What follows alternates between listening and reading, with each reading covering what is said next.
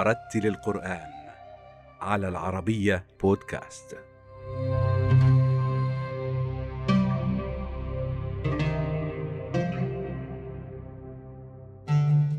الكندري والزهراني ولد القارئ إلياس البدر في مدينة برمنغهام البريطانية لعائلة من شبه الجزيرة الهندية هاجرت إلى بريطانيا إثر الحرب العالمية الثانية يمثل القارئ إلياس وشقيقه محمد يوسف الجيل الثالث من المهاجرين. وعلى الرغم من نشأة والده في بريطانيا حرص على تحفيظ أبنائه القرآن الكريم وتعليمهم اللغة العربية لتنطلق مسيرة القارئ إلياس البدر منذ سن الرابعة حيث تميز بسرعة الحفظ وبقدرة كبيرة على الإلمام باللغة العربية ومفرداتها بالتوازي مع مسيرته التعليمية التي أفضت به إلى كلية الاقتصاد والتجارة. بداية رحلتي بدأت مع القرآن الكريم وكان عندي أربع سنة كنت أحضر في المدرسة يعني يعتبر مثل الكتاب. يعني عندنا في نظام خاص يعني الأطفال يذهبون في المساء إلى الكتاب يعني ساعتين كل يوم. بدأت أحفظ القاعدة النورانية يعني ووجدت أن من السهل أن أتقن اللغة العربية وبدأت يعني أحفظ سريعا. الحمد لله. ولما وصلت إلى سبعة من العمر والدي يعني نحن كنا في بريطانيا والدي قرر أن أن ننتقل ونعيش في مكان يعني في منطقة في بيئة يعني بجوار المسجد يكون بجوار البيت يكون مسجد. نعم. فالحمد لله يعني كنت الحمد لله كنت أحضر المسجد يوميا لكل صلاة وكان عندي سبع سنين كنت صغير في السن. الحمد لله وتأثرت بهذه البيئة كثيرا وجدت فيها راحة وسكينة وروحانية. وبدأت أحفظ القرآن سرا بدون ما يعلم أحدا. فيوما ما ذهبت إلى والدي وقلت له أنا حفظت شوية سور من القرآن الكريم يعني حفظا. فهو تعجب وقال لي أنت الآن يعني تتعلم القاعدة النورانية فكيف حفظت القرآن؟ فقلت له يعني أنا كنت أحضر إلى المسجد يعني كثيرا وكنت أستمع إلى الإمام وكان يصلي ويقرأ هذه السور في, الصلاة. فحفظت الحمد لله ووجدت وجدت الأمر سهل جدا يعني. فوالدي قال لي يعني okay إن شاء الله يعني تعالى نجرب نجرب أن نحفظ الجزء عامة فالحمد لله بدأت و يعني انتهيت من الجزء عامة في خلال ثلاثة أربعة أيام يعني كاملا بالحفظ. الحمد لله. وبعد ذلك والدي يعني أخبرني إن في أستاذ يعني ممكن تذهب له إلى البيت وتجلس وتقرأ كل يوم ساعتين وتبدأ تحفظ براحتك يعني. مع أني كنت أذهب آه، إلى المدرسة الحكومية يوميا صباحا من من التاسعة إلى إلى الساعة الثالثة مساء وكنت أرجع وعندي ساعة أتغدى وأذهب إلى هذا الشيخ. هذا الشيخ جزاه الله خيرا علمني قواعد التجويد. وكيف أتقن تلاوة القرآن واللغة العربية الشيخ مقبول؟ حفظه الله تعالى. فالحمد لله كنت أبدأ حفظ القرآن الكريم يعني عند الشيخ مقبول. كنت أذهب له كل يوم. وفي خلال سنة يعني تقريبا انتهيت من الحفظ وكان باقي لي خمس أجزاء في الحفظ يعني في في في الورى في الأخير من من إليه يرد علم الساعة. فأنا قلت لوالدي أنه أنا أتذكر كان وعدني أن أن يأخذني إلى إلى العمرة آه، حتى هذه كانت يعني حلم حياتي أن أذهب يعني وكنت صغير كطفل أن أذهب وأرى بعيني الكعبة المشرفة.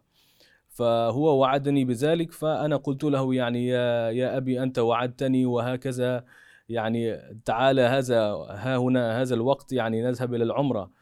فالحمد لله هو فورا على طول يعني جهز التذاكر ويعني ذهبنا إلى العمرة والحمد لله يعني عملنا ختمة قرآنية أمام الكعبة المشرفة وهناك هناك أيضا حفظت ال- الباقي خمس أجزاء الحمد لله في القرآن الكريم.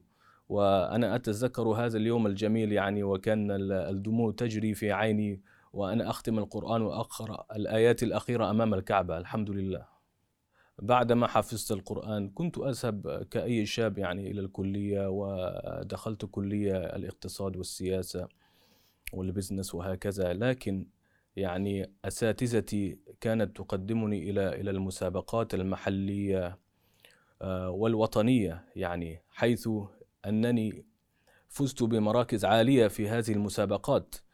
بعد ذلك هم اكتشفوا أن أن عندي موهبة في حفظ القرآن الكريم فرشحوني آه، يعني تمثيل بريطانيا في مسابقات دولية. الحمد لله شاركت آه، وعندي تجربة في هذه المسابقات. الحمد لله مثل مسابقات آه، مسابقات روسيا موسكو وإندونيسيا وماليزيا و... وأيضا إيران في حفظ القرآن الكريم وجنوب أفريقيا. يعني الحمد لله سافرت بلاد كثيرة آه، ويعني شاركت في مسابقات كثيرة الحمد لله وفزت أيضا في في مسابقة البحرين في مركز الرابع الحمد لله. فيعني نحمد الله ونشكر فضله علينا.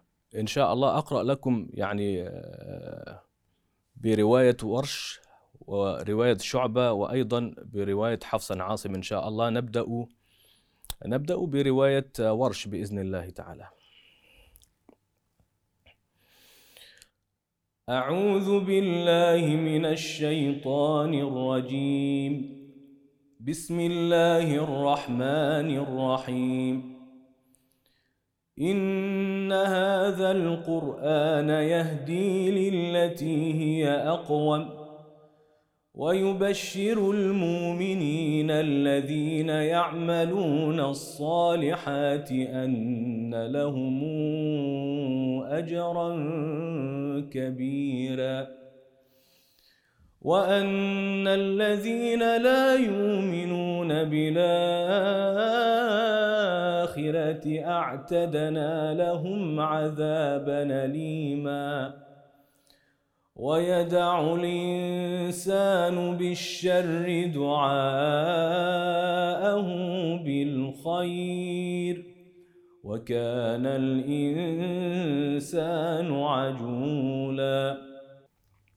هذه كانت تلاوة برواية ورش عن نافع الذي تعلمت في مصر يعني وأجازني الشيخ في هذه القراءة. أيضا تعلمت رواية شعبة عن عاصم.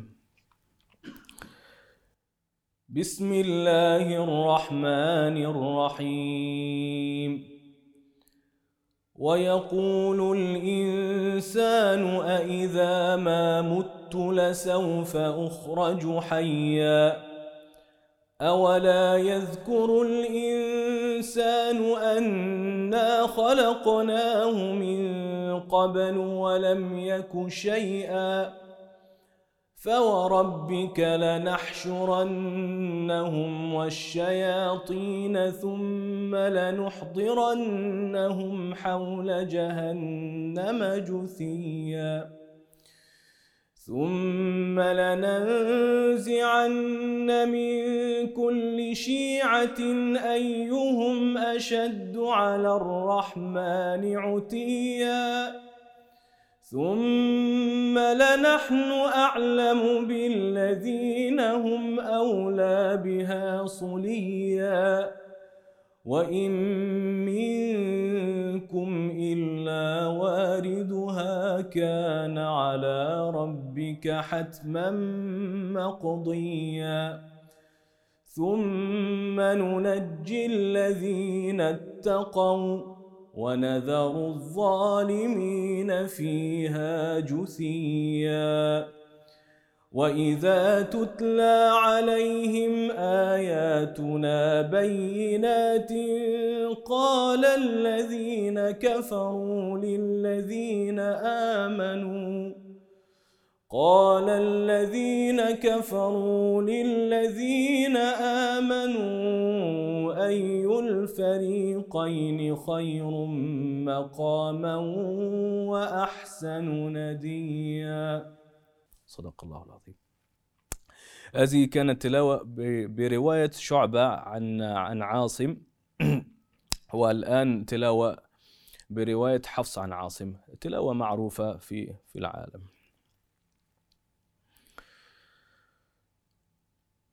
بسم الله الرحمن الرحيم. شهر رمضان الذي أنزل فيه القرآن هدى للناس وبينات من الهدى والفرقان.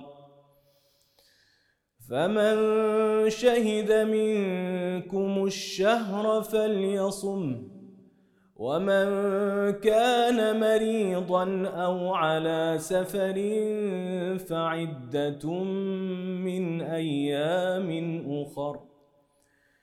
يريد الله بكم اليسر ولا يريد بكم العسر ولتكملوا العدة ولتكبروا الله على ما هداكم ولعلكم تشكرون.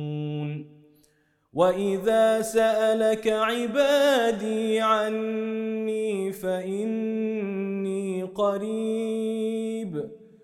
أجيب دعوة الداع إذا دعان فليستجيبوا لي وليؤمنوا بي لعلهم يرشدون.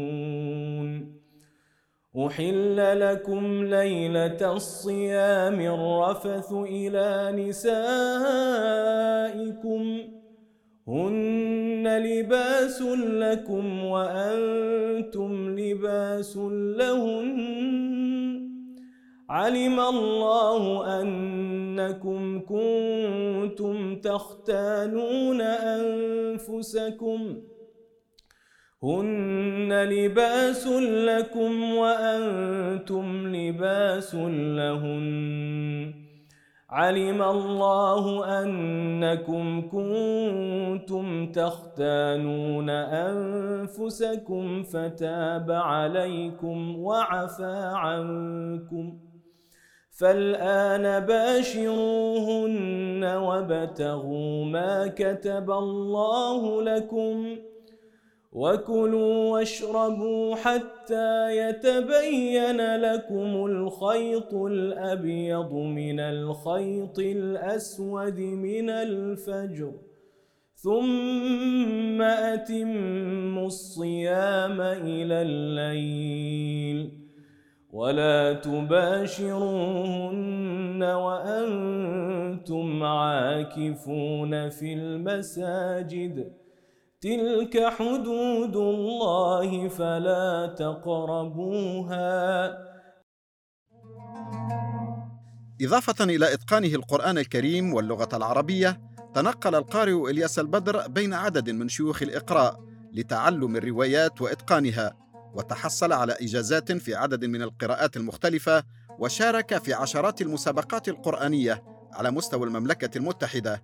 والتي تميز فيها على عدد كبير من القراء وهو اليوم يعيش مع أسرته قرب مدينة ليدز البريطانية في بلدة باتلي التي تنتشر فيها المساجد والمدارس القرآنية ومدارس تعليم اللغة العربية لغير الناطقين بها. الحمد لله بعدما بدأت أشارك في المسابقات الدولية يعني كنت تأثرت بالقراء المصريين يعني في صغر سني مثل أمثال الشيخ محمد رفعت والشيخ محمد صديق المنشاوي وغيره من القراء العمالقة. فيعني قررت إني أسافر إلى مصر بلد القراء يعني كي أتقن قواعد التجويد وعلوم الوقف والابتداء وحسن الصوت والمقامات والعلوم القرآنية.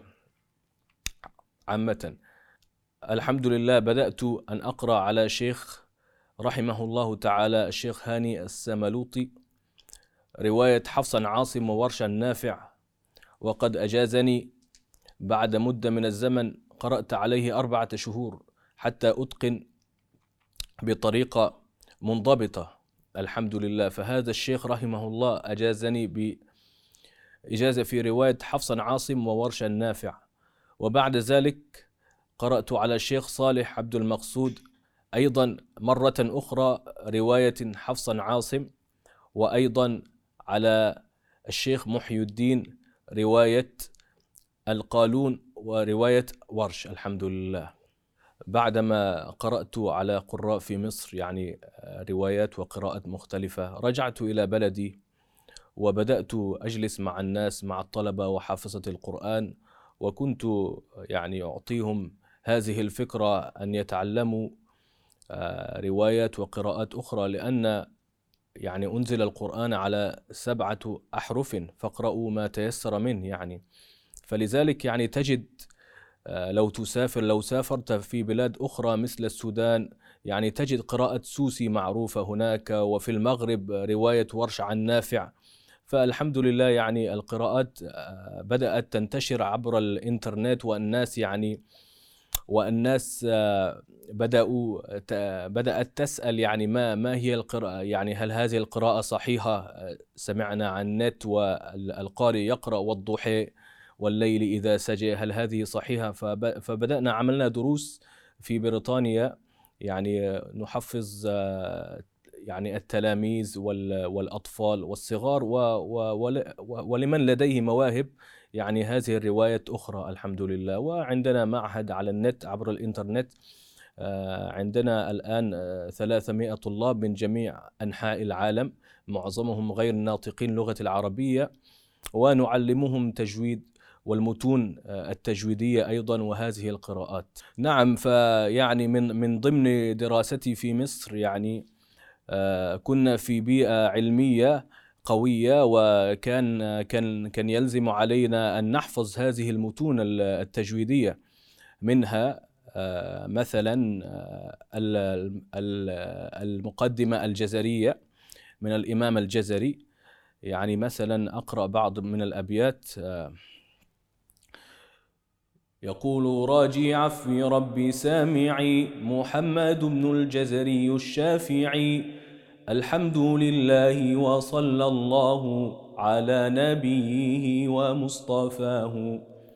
وبعد إن هذه مقدمة فيما على قارئه أن يعلمه إذ واجب عليهم محتم قبل الشروع أولا أن يعلموا.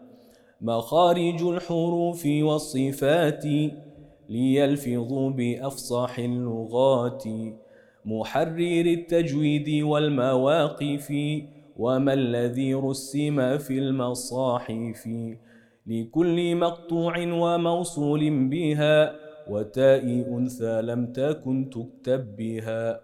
هذه أبيات من متن الجزرية وأيضا يعني في آه، أبيات من متن الشاطبية.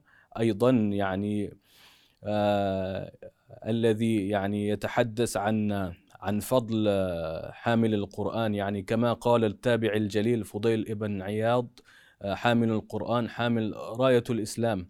فيعني إمام الشاطبي آه، يذكر ويمدح ويقول فيا أيها القاري به متمسكا مجلا له في كل حال مبجلا هنيئا مريئا والداك عليهما ملابس أنوار من التاج والحولا فما ظنكم بالنجل عند جزائه أولئك أهل الله والصفوة الملا أولو البر والإحسان والصبر والتقى حولاهم بها جاء القرآن مفضلا. عليك بها ما عشت فيها منافسا وبع نفسك الدنيا بأنفاسها العلا. جزى الله بالخيرات عنا أئمة لنا نقلوا القرآن عذبا وسلسلا. الحمد لله اللغة العربية أولا لغة لغة الجنة ولغة آه، لغة التي اختاره الله أن يتحدثوا آه، أن يرسلوا إلينا رسالة بهذه اللغة ولغة آه، أشرف الخلق محمد صلى الله عليه وسلم. الحمد لله. واللغة يعني الذي أنزل فيه القرآن يعني هي اللغة العربية الحمد لله. فيعني أنا سمعت في في في في في الدراسة في في إحدى الجامعات الأمريكية أنهم يقولون اللغة العربية تفتح ال- الذهن. يعني أي واحد أجنبي آه، هو ليس عربي بالأصل مثلي آه، يعني آه، لو تعلم أو حاول أن يتعلم اللغة العربية يعني هذا هذا شيء مفيد له يعني في في ذهنه و آه، الطاقة الذهنية الحمد لله. لكن يعني أنا تعلمت اللغة العربية لأن هذه لغة القرآن وأيضا أحس يعني لما أستمع إلى هذه اللغة يعني حتى في الحوار يعني أجد فيها راحة وال يعني الأسلوب آه، بتاعت هذه اللغة يعني جميلة ومريحة الحمد لله يعني. فيعني نحمد الله على ذلك. وأيضا تعلمت ال- الصرف والنحو و وأيضا الفصاحة والبلاغة و- والمنطق يعني في اللغة العربية حتى الكتب يعني كنا كنا ندرس تاريخ إسلامي وقصص الأنبياء والصحابة كلهم في اللغة العربية. آه، كنا نقرأ كنا نقرأ ونكتب. أنا يعني تعلمت ال- الخط العربي أيضا يعني الخط العثماني. آه، يعني آه، التحقت بمعهد إسلامية يعني هذه المعهد آه، هذه المدرسة الإسلامية مشهورة في بريطانيا في مانشستر اسمها دار العلوم الإسلامية.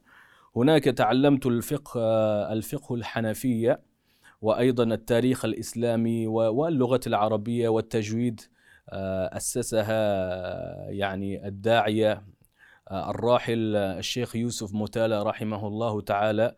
يعني هو من من أوائل الناس اللي الذي جاء إلى بريطانيا و وكان مدرس كبير و في علم الحديث أيضا. فأنا أنا كنت هناك ثلاثة أو أربع سنين حتى أتقن آه، العلوم الإسلامية. يعني في في اللغة العربية هم كانوا يعلمون. فتعلمت الفقه الحنفي والمنطق و... وأيضا اللغة العربية والتاريخ الإسلامي. الحمد لله.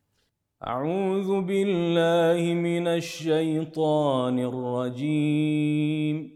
بسم الله الرحمن الرحيم.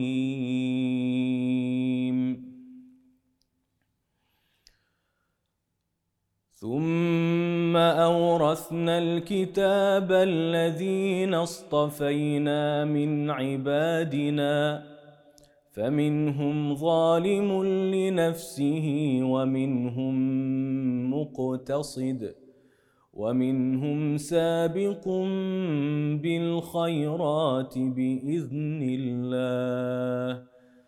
ذلك هو الفضل الكبير. جنات عدن يدخلونها يحلون فيها. يحلون فيها من أساور من ذهب ولؤلؤا ولباسهم فيها حرير. وقالوا الحمد لله الذي أذهب عنا الحزن. إن ربنا لغفور شكور الذي أحلنا دار المقامة من فضله لا يمسنا فيها نصب لا يمسنا فيها نصب ولا يمسنا فيها لغوب. والذين كفروا لهم نار جهنم لا يقضى عليهم فيموتوا ولا يخفف عنهم من عذابها. كذلك نجزي كل كفور. صدق الله